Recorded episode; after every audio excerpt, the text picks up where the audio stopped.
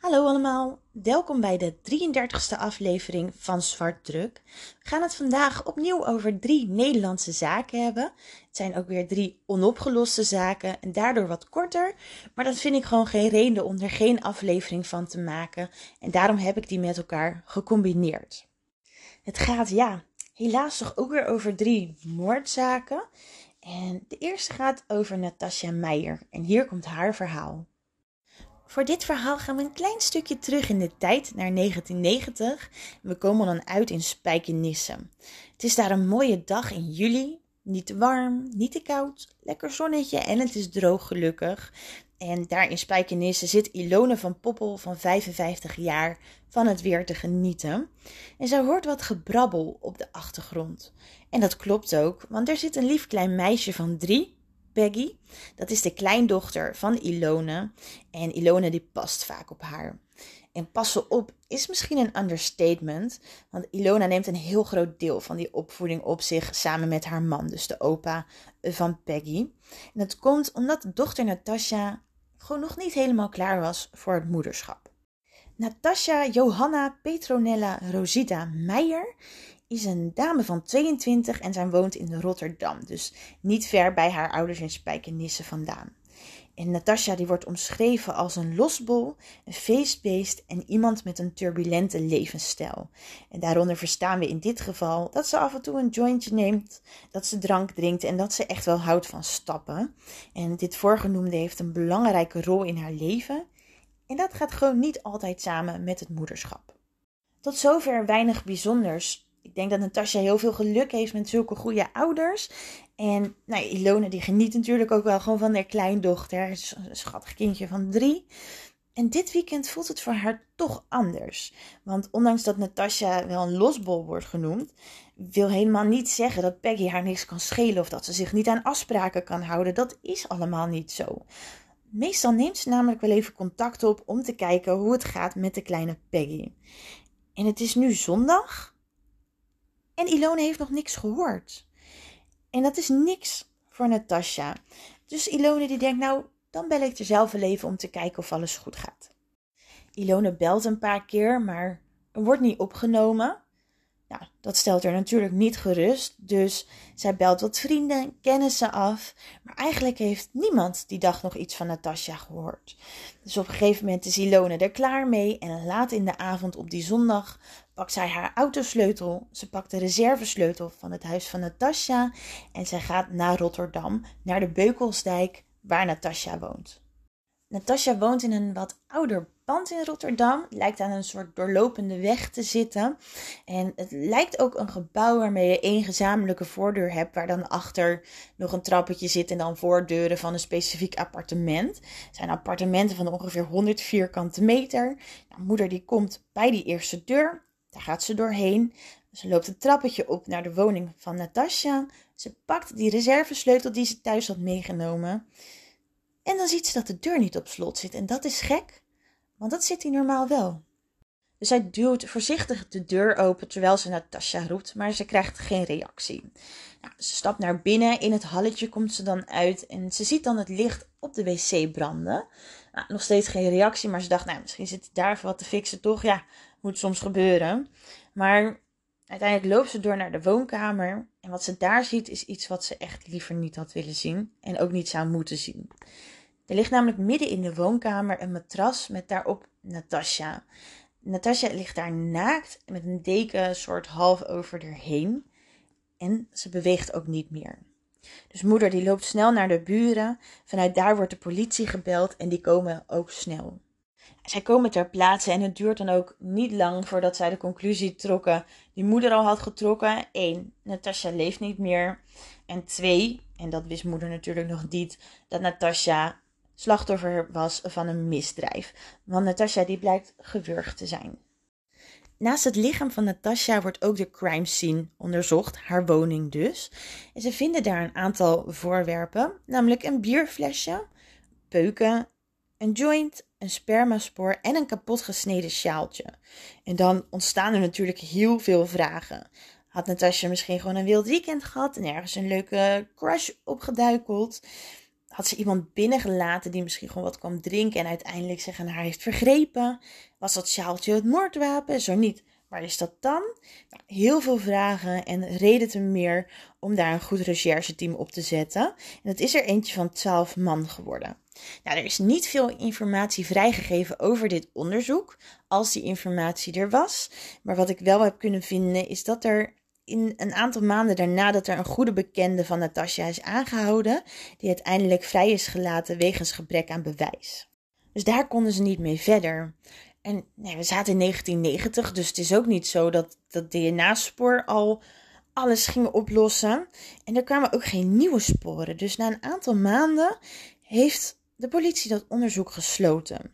En Ilone, de moeder van Natasja, die was daar absoluut niet mee eens. Logisch. Dus die blijft er echt bovenop zitten. Ze schrijft Peter R. de Vries aan. Ze vraagt het politiekorps nog om opnieuw te onderzoeken na een aantal jaar, want zij heeft ook die DNA-ontwikkelingen meegekregen. En in 2000 krijgt ze dan een goed bericht. Namelijk dat de zaak van Natasja opnieuw bestudeerd zal worden. En het is echt vanuit het politiekorps dat zij dat bericht krijgt. Ik denk niet dat blijk het goede woord is om dit gevoel mee te omschrijven. Maar ik kan me echt voorstellen dat dit bericht absoluut wat met Ilona heeft gedaan. En natuurlijk ook met dochter Peggy, die op dit moment ook wat ouder is. Dus ze wachten een paar maanden en een paar maanden wordt een half jaar. En dan duurt het langer dan een half jaar. En Ilona denkt, nou, voor iemand die een belofte maakt, laat hij er wel lang overheen gaan. Dus zij neemt er contact op met dat korps. En in 2001, dus als er meer dan een half jaar voorbij is nadat is verteld dat het heropend zou worden, krijgt Ilona het bericht dat er niet genoeg capaciteit is om de zaak te heropenen. Dus dat wordt ook niet gedaan. Ilona die heeft natuurlijk een enorme teleurstelling te verwerken. En ze schrijft Politiek Den Haag ook aan van hey, hoe kan dit? Hoe, hoe kan het dat we niet genoeg hebben? En wat is er dan belangrijker? Is dan drugs belangrijker dan een moord? Hoe werkt dit? En eigenlijk krijgt ze een hele lange brief terug met een korte boodschap van joh, dit probleem lost zichzelf ooit op. Dus ook daar nou ja, loopt ze tegen een muur aan. Maar gelukkig is daar natuurlijk Peter R. de Vries. Want zo is Peter. Peter die helpt Ilone, die weet gesprekken te krijgen bij de mensen bij justitie die daarover gaan. En uiteindelijk krijgen hij en Ilone het voor elkaar dat het onderzoek toch heropend wordt. Dus dit is waar we vandaag staan. De zaak is toen heropend, maar behalve dat deze af en toe echt nog wel op de cold case kalender voorbij komt, is er verder niks over te vinden. En denk ik dat we ervan uit mogen gaan dat er niemand is aangehouden. Anders hadden we het ongetwijfeld gehoord. Helaas heeft oma Ilona dus ook niet meegekregen dat er iemand is opgepakt. Zij is inmiddels ook overleden. Maar dochter Peggy, die heeft het stokje overgenomen en die zoekt echt nog verder. Kan ik me voorstellen dat het gevoel dat je er zelf achteraan moet zitten, terwijl je gewoon eigenlijk een politiekorps zou moeten hebben. Of ja, politiemensen, maar ook mensen van de overheid die je er best wel moeten helpen zonder dat je er zelf achteraan moet zitten. Ja, het is bijna ook niet te geloven met de huidige techniek en één groot DNA-spoor dat ze hadden. Maar ja, we hebben het al eerder gezegd, DNA kan je alleen gebruiken ook als je het kan vergelijken met iemand. En nou ja, als je niemand verder als verdachte hebt, kan dat natuurlijk ook lastig zijn. Maar ja, lang verhaal kort, het is nog steeds niet opgelost. En daarom komt hij natuurlijk ook voorbij in deze zaak. De beloning van 15.000 euro die staat nog altijd open. En ik hoop dat er iemand is die meer weet en die daar uiteindelijk over durft te spreken. Want zo'n meisje dat zo jong haar moeder is verloren en daar nu als volwassen vrouw nog steeds achteraan moet zitten, ik vind dat persoonlijk heel erg.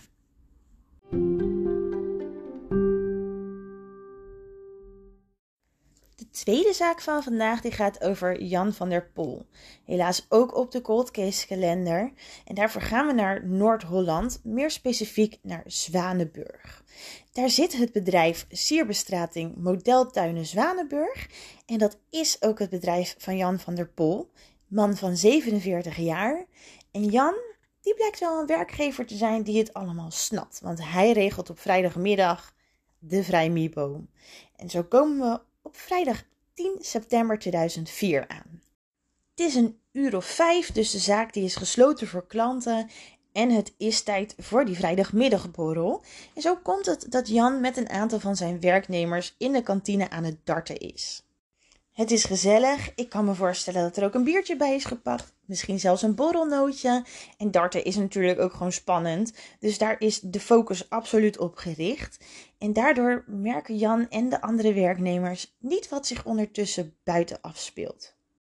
Wat zij namelijk niet doorhebben, is dat er buiten het hek van de zaak dat daar een auto geparkeerd is. En er stappen twee mannen uit. Mogelijk lichtgetinte mannen met blauwe overals aan. Ze hebben allebei een bivakmuts op en ook allebei een pistool mee. Deze mannen lopen richting de zaak van Jan en onderweg komen zij een medewerker van Jan en de dochter van Jan tegen. Zij nemen deze twee personen mee onder bedreiging van dat pistool natuurlijk. En zo komen zij uit in de kantine waar Jan en dus een aantal andere werknemers aan het darten zijn. Nou, deze twee personen die schreeuwen om geld in het Nederlands en ze schreeuwen geld, geld.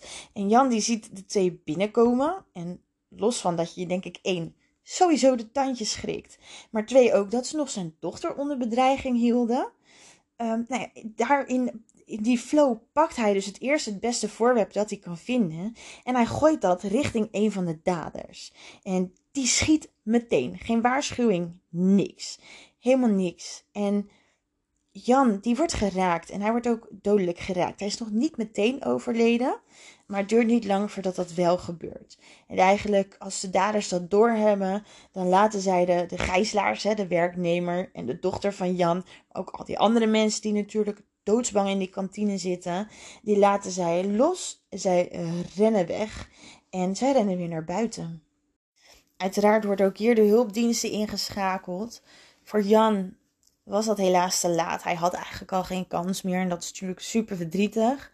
En wat ook heel verdrietig is, is dat er helemaal geen tips binnenkomen. Gewoon niks. Na een maand doet, een, uh, doet de politie oproepen richting de bevolking, richting de mensen om te helpen, maar er zijn gewoon nul leads.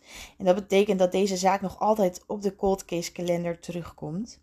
Maar ja, het was eigenlijk denk ik een uit de hand gelopen overval als je het mij vraagt. En na een overval valt het natuurlijk wel mensen op. Als jij ineens heel veel geld te besteden hebt, als je dat normaal niet hebt. Dus dan kan ik me voorstellen dat iemand in de omgeving van zo'n dader denkt: hey, nou, misschien zou dat met elkaar te maken kunnen hebben. Maar in dit geval is dat niet. Uh, want het was mislukt. Ze hebben niks meegenomen. Nul.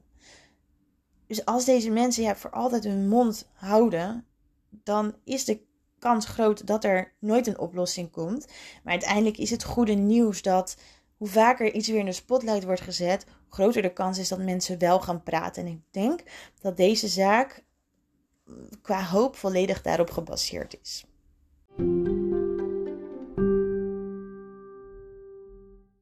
De derde zaak van vandaag is er een die je met name pas de laatste jaren weer terugvindt in het nieuws en op de cold case kalender. Enerzijds logisch denk ik dat je een aantal zaken eruit pikt en in de spotlight zet. Als je alles in de spotlight zet, dan heeft die spotlight niet zoveel zin meer. Dan vallen ze allemaal weer evenveel op en dat is niet waar een spotlight voor is. Maar aan de andere kant is het natuurlijk wel vet zuur als de zaak van jouw geliefde nou net die ene is die moet wachten op de spotlight. En dit is er zo eentje die daar dus even op heeft moeten wachten. Ik heb het dan over de Damster Diepmoord, voor we eerst even kennis maken met Wietske Bauer-Hiemstra. Wietske is een dame van 34 jaar, geboren en getogen in Leeuwarden en getrouwd met Frits. En samen hebben zij twee kinderen en in het jaar van de feiten, 1986, zijn zij ook al 14 jaar getrouwd.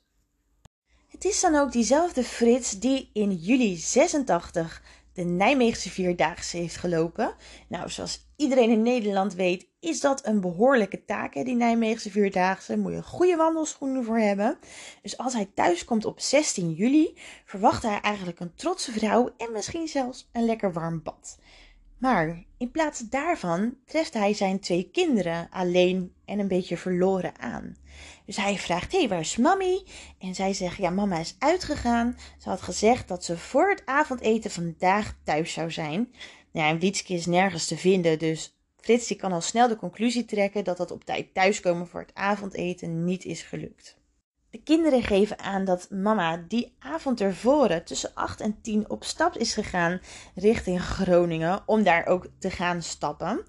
Dus Frits die besluit om eens wat vrienden en familie en kennissen van Wietske na te bellen om te kijken of zij misschien iets weten. Het was op zich helemaal niks vreemds dat Wietske ging stappen met vriendinnen. Dat deed zij wel vaker. Maar waar hij achter komt als hij wat vriendinnen van haar heeft gesproken, dan is dat dat zij de laatste tijd alleen op stap ging. Dus dan waren er geen vriendinnen meer bij. En dat wist hij dus niet. Als niemand iets weet, maakt Frits het besluit om dan toch de politie in te schakelen. En die doen onderzoek en Witske die lijkt het laatst gezien te zijn in Café de Schakel in Groningen. Dus ze is daar geweest. Maar dat was het eigenlijk een beetje. Maar met die informatie is Wietske natuurlijk nog niet gevonden. Al duurt dat niet meer heel lang, want op 19 juli ziet een van de bewoners van Garmerwolde, die ziet een stoffelijk overschot in het water van de Damsterdiep voorbij drijven. En dat blijkt helaas het lichaam van Wietske Bauer-Hiemstra te zijn. Een lichaam kan natuurlijk ook een hoop vertellen over wat er met iemand is gebeurd. En op basis daarvan en de informatie die de politie al heeft, schetsen zij het volgende scenario, wat overigens nog best wel generiek is, denk ik. Zij denken namelijk dat Wietske naar Groningen is gelift. Zij heeft daar ruzie gekregen. Zij is die nacht of terug gaan liften of meegenomen in een auto of zelf ingestapt. Nou, had natuurlijk al die ruzie. Ze zou omgebracht zijn in een woning in Bijen. En vanuit daar in het water van de Damster diep terecht zijn gekomen en daarna dus opgemerkt door een voorbijganger. Op basis van deze informatie, maar ook van mensen die Wietke toch wel hebben gezien, worden er nog in 1986 twee verdachten verhoord. De politie zoekt het echt in de Antilliaanse hoek. Ze gaan zelfs naar de Cariben voor het onderzoek. Maar dit levert geen doorbraak op. In 2002 dreigt de zaak te verjaren. Er komt toestemming om de zaak toch opnieuw te bekijken. Zo gaat het NFI met hun nieuwste technieken aan de gang met het DNA. Er worden oude getuigen gehoord maar er is weer geen doorbraak. Of de verdachte dezelfde was als die uit 1986, of in ieder geval één van deze twee heren, dat weten we niet. Wat we wel weten is dat ook deze meneer is vrijgelaten op basis van gebrek aan bewijs. Frits, die inmiddels hertrouwd is, die zit echt nog wel een tijd bovenop die zaak hoor. Ik zie zeker nog tot 2017 dat hij echt overal aan de bel heeft getrokken om toch de boel maar weer open te krijgen. Ik bedoel, hij heeft ook twee kinderen die heel graag willen weten wat er met hun moeder gebeurd is. En zo wil hij eigenlijk heel graag dat, net als in het onderzoek van Marianne Vaatstra, een grootschalig DNA-onderzoek wordt gestart. De reactie die hij daarop krijgt is dat ze daar niet aan kunnen beginnen omdat de potentiële kennis niet groot genoeg is. Ik ben zeker hier niet om de politie te bashen, die zijn je grootste vriend, dat zie je in de zaak van Hans en Piet. Maar ik kan me voorstellen dat vanuit het oogpunt van Frits dat dit een opmerking is die hij liever niet had gehoord. Uiteindelijk, juist ook door zijn doorzettingsvermogen, is in 2018 dan voor het eerst toch die zaak op de cold case kalender gekomen. Hij is nog steeds onopgelost. Maar 2018, hè, dat is vier jaar geleden. Dus ik denk, nou, de aanhouder wint. Haal het alsjeblieft in de spotlight staan, want je weet het gewoon niet. Je weet niet wie er nog gaat praten, wat voor bewijs er nog ergens op een zee van een of ander kanaal wordt gevonden. Je weet het niet. Vandaag de dag weten we wel dat die nog niet is opgelost en dat dus het uh, geld, tipgeld van 15.000 euro, nog steeds beschikbaar is. Ja, en ook met die woorden komen we weer aan het einde van de aflevering. We moeten het niet te vaak gaan doen. Althans, ik merk dat ik altijd een beetje verdrietig word na dit soort zaken. Het is wel heel erg dat een familie een dood heeft moeten verwerken, maar dat ze dan ook nog zo lang rond moeten lopen met al die vragen ik, ik zeg niet dat het überhaupt te verwerken is, maar als je het niet af hebt kunnen ronden, lijkt afsluiten me sowieso heel erg lastig. Dus ik hoop gewoon dat er ook in deze drie zaken weer iets naar voren komt, waardoor het misschien toch nog opgelost wordt en dat er weer een plekje is voor een andere zaak op die cold case kalender. Dat was hem alweer. De 34ste aflevering, die is in de maak, dus het kan nooit lang duren voordat die online komt. Mocht je in de tussentijd nog tips, suggesties, opmerkingen, vragen, wat dan ook hebben, laat het me weten. Kan via het mailadres, die staat er in de show notes, dus die kan je daar vinden. Eh, ik krijg af en toe ook wel eens wat mailtjes. Met sommige mail ik ook gewoon heen en weer, gewoon voor wat ideeën over een aflevering, wat er gebeurd zou kunnen zijn met iemand. En het is heel erg nou, leuk is niet het goede woord in deze context, maar het is wel heel erg fijn om een beetje te weten wie er nou luisteren. En dat is gewoon heel erg leuk. Dat is eigenlijk een beetje een beloning die je krijgt als je een podcast maakt. Dus dat is heel erg gaaf. Sta ik heel erg voor open. Dus als jij dat ook leuk vindt, doe het alsjeblieft. Heel gezellig. Hey, hopelijk tot snel en geniet van je dag hè. Doeg!